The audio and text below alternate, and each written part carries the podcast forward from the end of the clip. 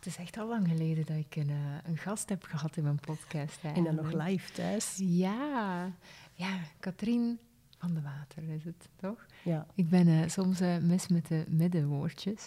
Maar goed, welkom en fijn dat je in mijn podcast wou komen. Dankjewel, Kim. Eh, wij kennen elkaar eigenlijk al best lang, als ik het zo bekijk. Nee, toch wel al een jaar of een jaar of twee? Geen idee. Ja. En bizarre is, we hebben elkaar nog nooit live gezien, hè? Ja, ja en dat is, het, dat, dat is het grappige. Want ik heb, we zitten samen, we hebben er net een andere podcast opgenomen. En ik, eh, ik heb het gevoel dat we elkaar al jaren kennen. Allee, dus ik zeg het ook zo van, ah, hè, we kennen Mm. elkaar al even, zo voelt het ook.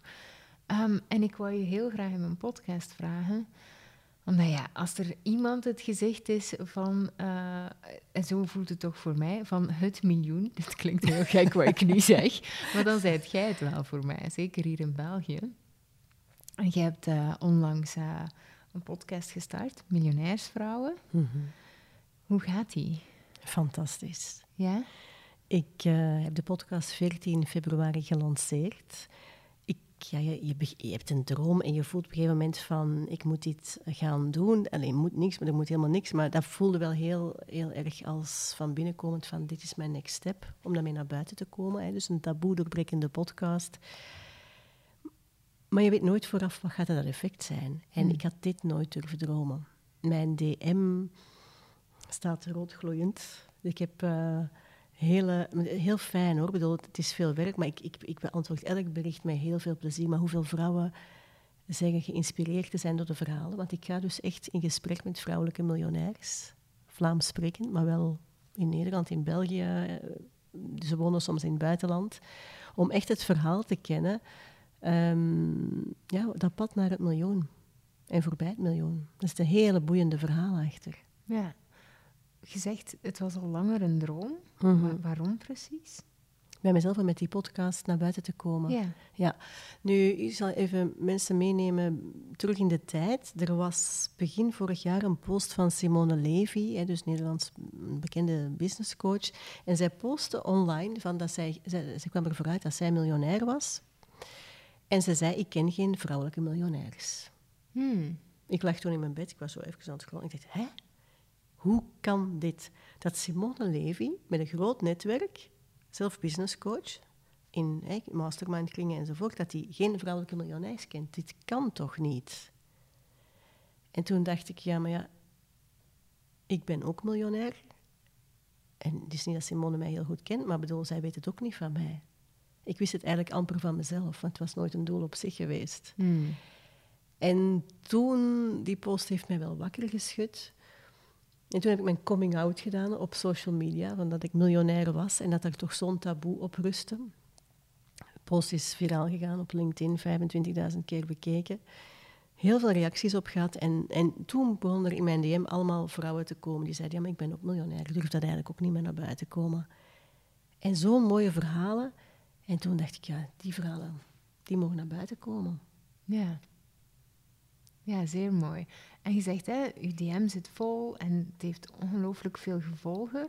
Kunnen daar, kunnen daar dieper op ingaan, wat dat de gevolgen zijn van die podcast? Ja, dus heel veel vrouwen die zeggen van, oh, die verhalen inspireren mij echt. Want eh, het zijn heel verschillende soorten vrouwen, verschillende leeftijden. Ik spreek binnenkort iemand van 25, de oudste was denk ik tegen de 60. Er zijn heel veel wegen naar Rome. Hè, dat Ja. weet jij ook. Jouw pad is heel anders dan mijn pad. En het is zeer interessant om vrouwen, en ook mannen hoor, want er zijn ook heel veel mannen die luisteren, maar mensen te laten zien, wat kan er allemaal? Want dat zijn allemaal dingen die je niet op school leert. Ja. En dan mensen beginnen dromen en te zien van, ah, misschien kan dat ook wel voor mij. Dat dat ineens toch wel dichterbij komt. En het gaat niet zozeer om de miljoenen aan zich. Hè. Het gaat over, bij mij over overvloed. Dat is bij jou ook. Hè. Ik hoor jou net ook zeggen van, ik wil een heel leuk leven creëren voor mijn gezin. Dus jij bent ook niet money-driven. Er zit zoveel meer achter. En daarom Mm. ik de term ook heel vaak gebruik, conscious miljonairs. Hè. Dus de vrouwen die ik spreek zijn niet de vrouwen die in de, in de megakasten van villa's wonen met vijf Ferraris voor de deur en drie Chanel handtassen. Het gaat echt over vrouwen die bewust kiezen om hun eigen leven heel mooi te maken, maar ook de wereld om hen heen en hun kinderen en ook goede doelen steunen enzovoort. Dus Mm. vandaar de term conscious miljonair. Ja, mooi. misschien ook ehm, eh, in dat geheel, hè, want we hebben over, eh, het over geld en over de taboes. Ehm, binnen die taboes en, en het geld, wat, wat betekent vrijheid voor u? Vrijheid is ook een woord dat voor mij al, al heel lang, uh, dat ik al heel lang, lang hoog in het vaandel draag. Mijn eerste um, vakantiejob was aardbeien plukken en augurken plukken. Ik kom uit een heel klein dorp in de Kemp en dat was de enige manier toen om geld te verdienen. En van dat eerste geld heb ik een racefiets gekocht, want ik was 16 jaar en dat dorp, honderdduizend mensen in dat dorp. Ik vond mijn draai daar niet echt. En voor mij was dat mijn eerste ticket to freedom. Dat was een racefiets kopen en dan kon ik toch al in een straal van 100 kilometer rond dat dorp um, gaan rondtoeren. En ja, mijn wereld is opengegaan toen ik naar Antwerpen ging, naar de universiteit. En daar ineens in contact kwam met studenten van over heel Vlaanderen. En toen dacht ik, hey, dit, dit begint al ergens op te lijken. En ik heb, ik heb ook elf jaar in het buitenland gewoond. Hè. Zes jaar Nederland, uh, drie jaar Andalusië, twee jaar Ibiza. Dus voor mij is um, de wereld wel een heel boeiende speeltuin. En die drang naar vrijheid om dingen op mijn eigen manier te doen, is is niet zozeer als verlangen gekomen, maar wel als noodzaak, omdat ik voelde dat mij aanpassen, dat dat gewoon niet ging. Wat ik wel heel lang gedaan heb, hè, om, om erbij te horen. Hmm. Dus mijn pad loopt ook in het begin vrij traditioneel. Ik deed maar zoals dat iedereen deed. Om er dan achter te komen via bore-out, burn-out, dat dat toch niet mijn pad was. En dan ben ik rond mijn dertigste ondernemer geworden. En toen dacht ik, ja, nu mag ik van mezelf het echt helemaal gaan doen op mijn manier. En ja, sindsdien heb ik meer energie dan ooit. En leef ik echt volgens mijn waarden en op mijn voorwaarden. En dat is voor mij vrijheid. Ja, mooi, want ik hoor nog een dubbele laag vrijheid. Want je zegt, hè, ik ben ondernemer geworden.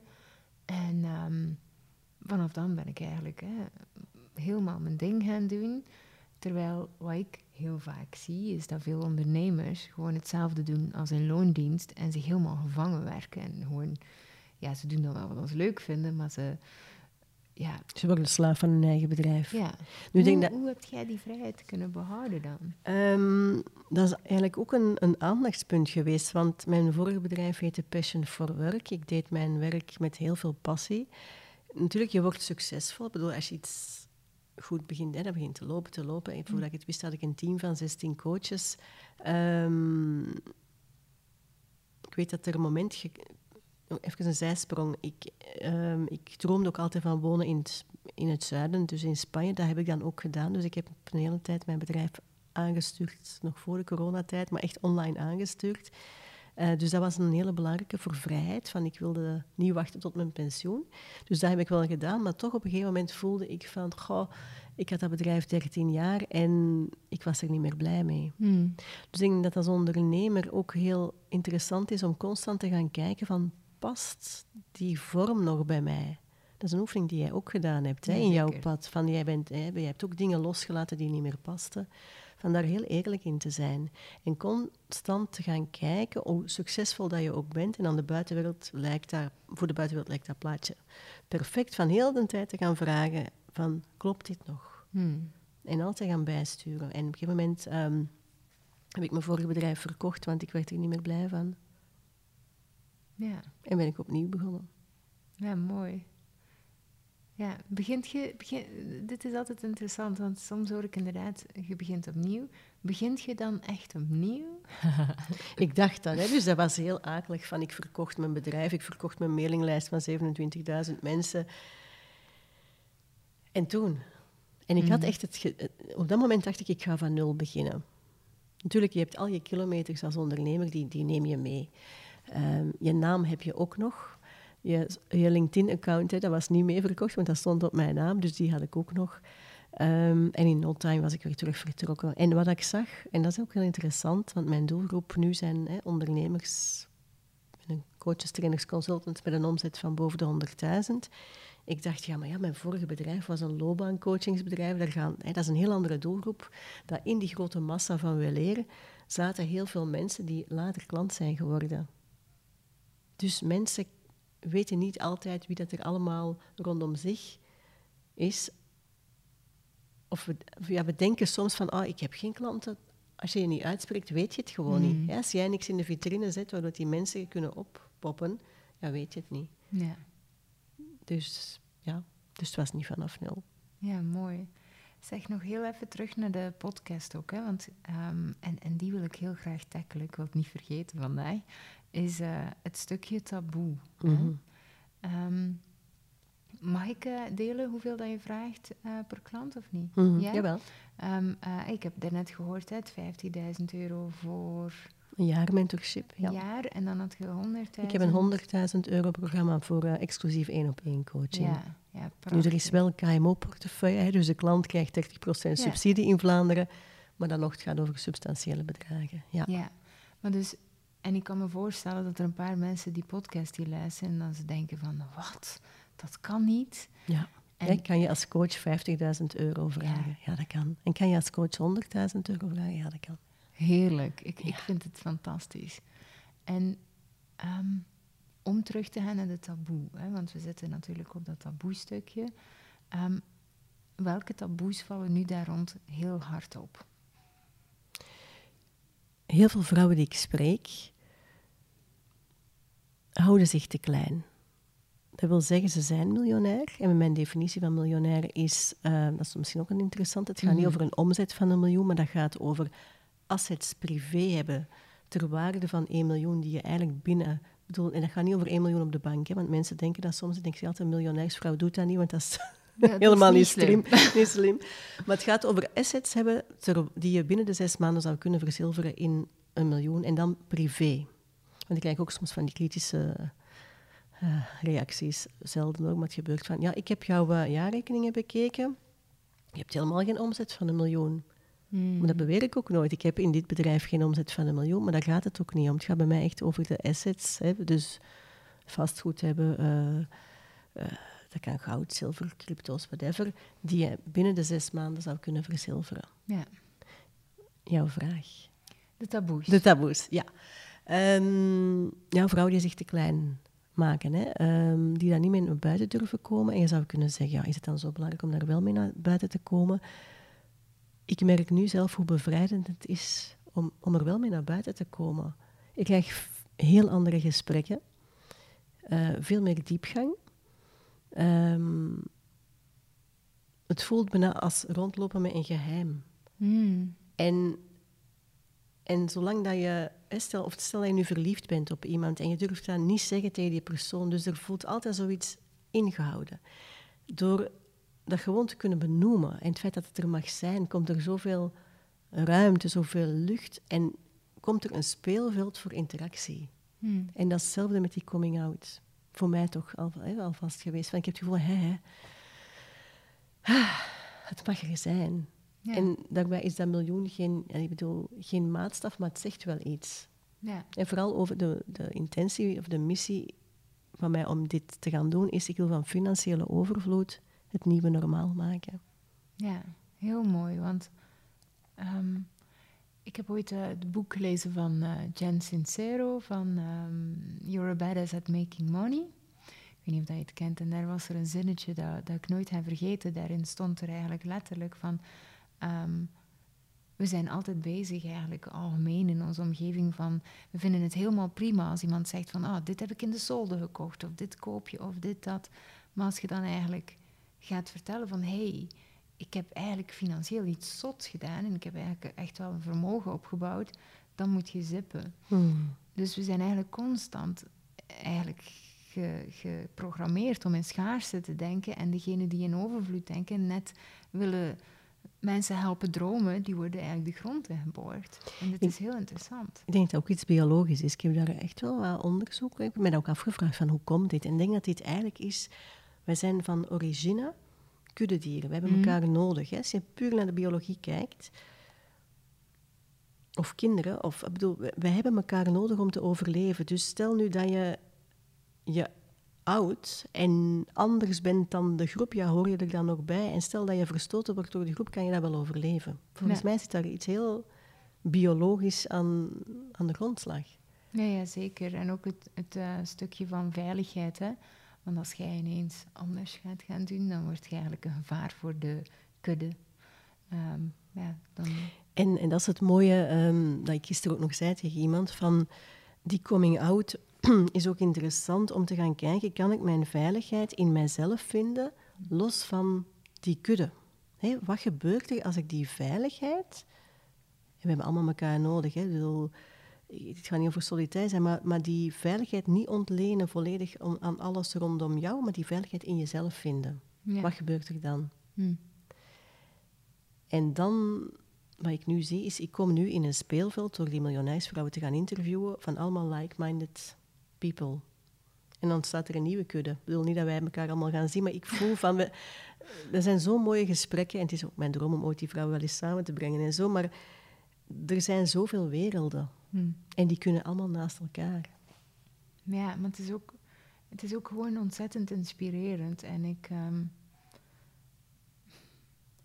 het, het, ehm, ja, ik vind het heel mooi wat je doet. Gewoon te cool om erover te spreken en ook om het te laten zien. Een van de dingen waar ik, en ik weet niet, ik wil wel even vragen of dat jij die angst ook hebt gehad, maar een van de dingen waar ik moeite mee had om over geld te praten, en eigenlijk te laten zien van, hé, hey, geld is makkelijk en weet ik veel wat, was eigenlijk van, hé, hey, zet ik nu niet een uh, schietschijf op mijn voorhoofd. Ik heb kinderen, wat als iemand mijn kinderen iets wil aandoen om, om weet ik veel wat, om geld te krijgen. Wat niet heel slim is, want ik kan er niet 1, 2, 3 aan. Dus.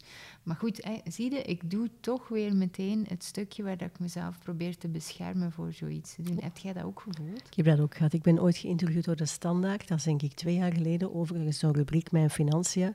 Ik heb dat toen heel erg vaag gehouden. Hmm. Want ik dacht, ja, als ik nu echt kleur ga bekennen, stel dat ze mijn zoon ontvoeren, Hè, Dus voor losgeld. Dus ik heb dat toen ook gedacht, dus ik herken dat wel. Um, ik heb ook gedacht, oh, ze gaan mij misschien heel arrogant vinden. Ik ga misschien bakken kritiek krijgen, want hè, het is crisis. En bedoel, ik kom daar naar buiten met miljoenen. Er zijn veel mensen die het zeer moeilijk hebben nu van, hè, op social media. Je weet niet wie, wie gaat het allemaal lezen. Um, ik ben single. Ik dacht ook van ja, als ik nu coming out ga doen als miljonair, bedoel, wordt het misschien nog wel moeilijker om een, om een man tegen te komen. Dus al die, al die angsten zijn zeker de revue gepasseerd. Ja, ja mooi. En, en het, um, het stuk waar je de podcast hebt gemaakt, mhm. hebben die um, u daarin geholpen om daar anders naar te kijken? Of, of of was dat ervoor? Dat was ervoor, want anders zou ik de podcast niet durven maken hebben. Ehm, mensen vragen mij nu soms ook, het is nu bijna een maand na de lancering. De krant is daar ook meteen opgesprongen, dus de Gazet van Antwerpen heeft er een heel artikel aan gewijd. Um, ik spreek binnenkort ook uh, op uh, een groot event in Gent over dit thema. Mensen vragen me, en hoe zit het nu met de kritiek? Hè? Heb je al heel veel kritiek gekregen? En uh, nee, er zal ongetwijfeld kritiek geweest zijn en zijn, maar dat is dan achter mij, daar heb ik geen last van, achter mijn rug.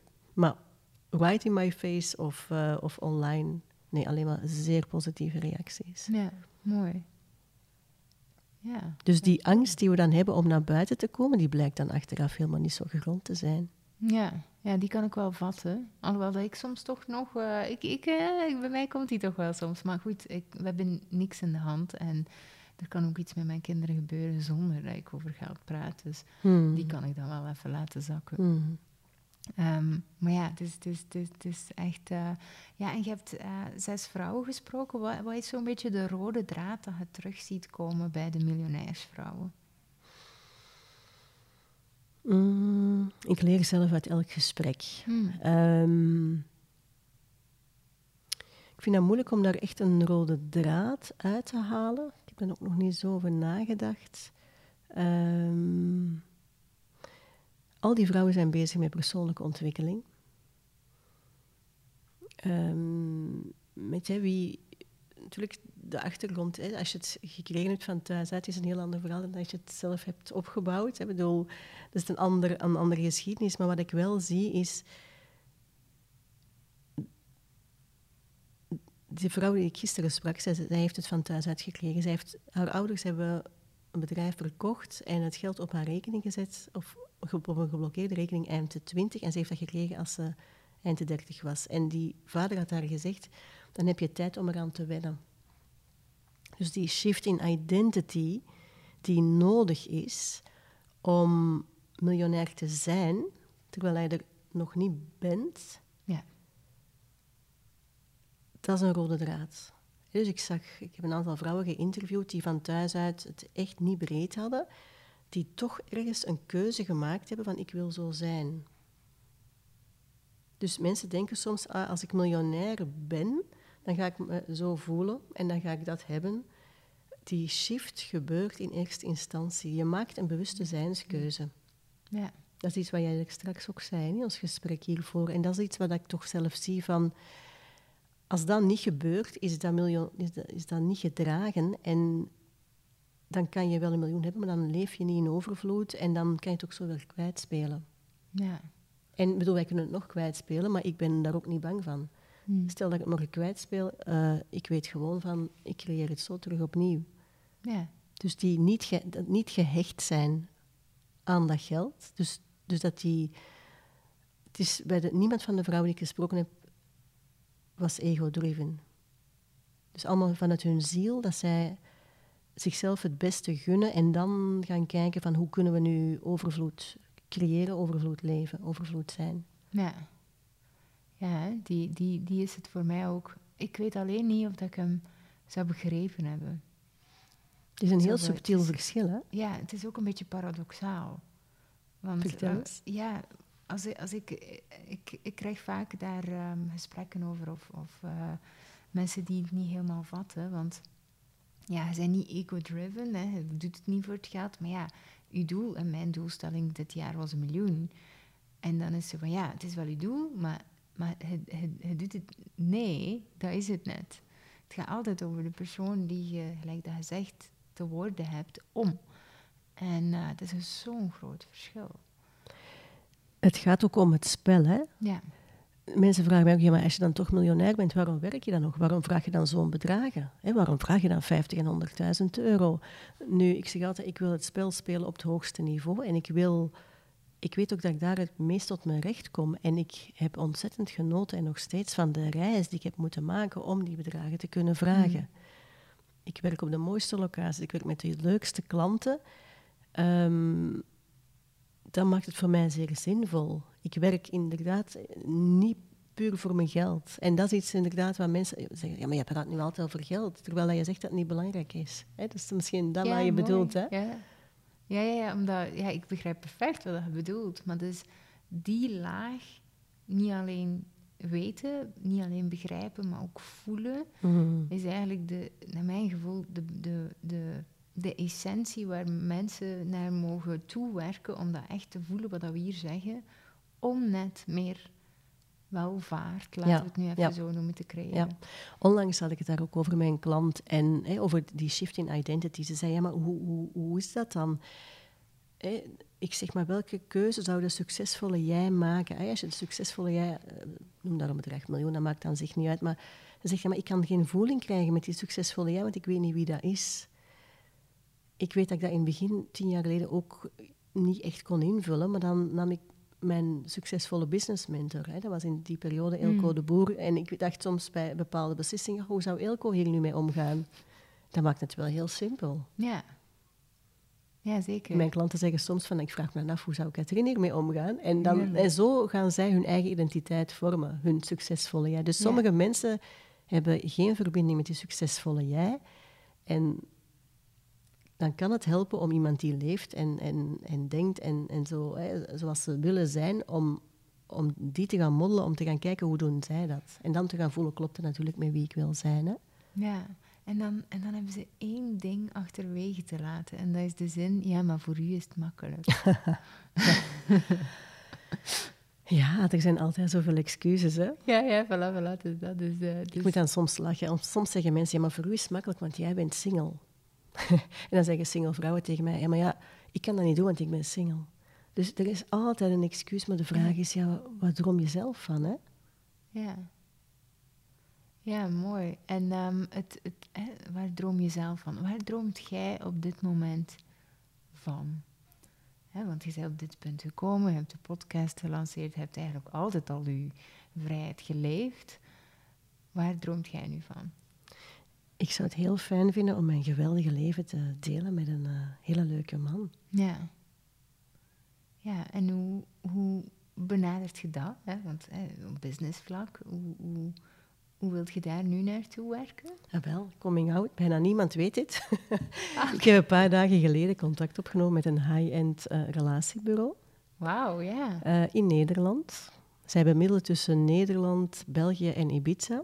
En toen ik dat- het was puur energetisch. Ik las dat en ik dacht van wauw. Dus ik heb zes jaar in Nederland gewoond. Ik ben veel Nederlandser dan ik klink. Ja, ik heb ook op Ibiza gewoond. Dus ik voelde aan alles van, goh, ik wil met hen contact. En ik ga kijken waar dit toe leidt. Ja, Maar dat contact moet nog komen. Dus eh, ja, ja. wie weet hè, is er bij de luisteraars wel een hele leuke man. Ja.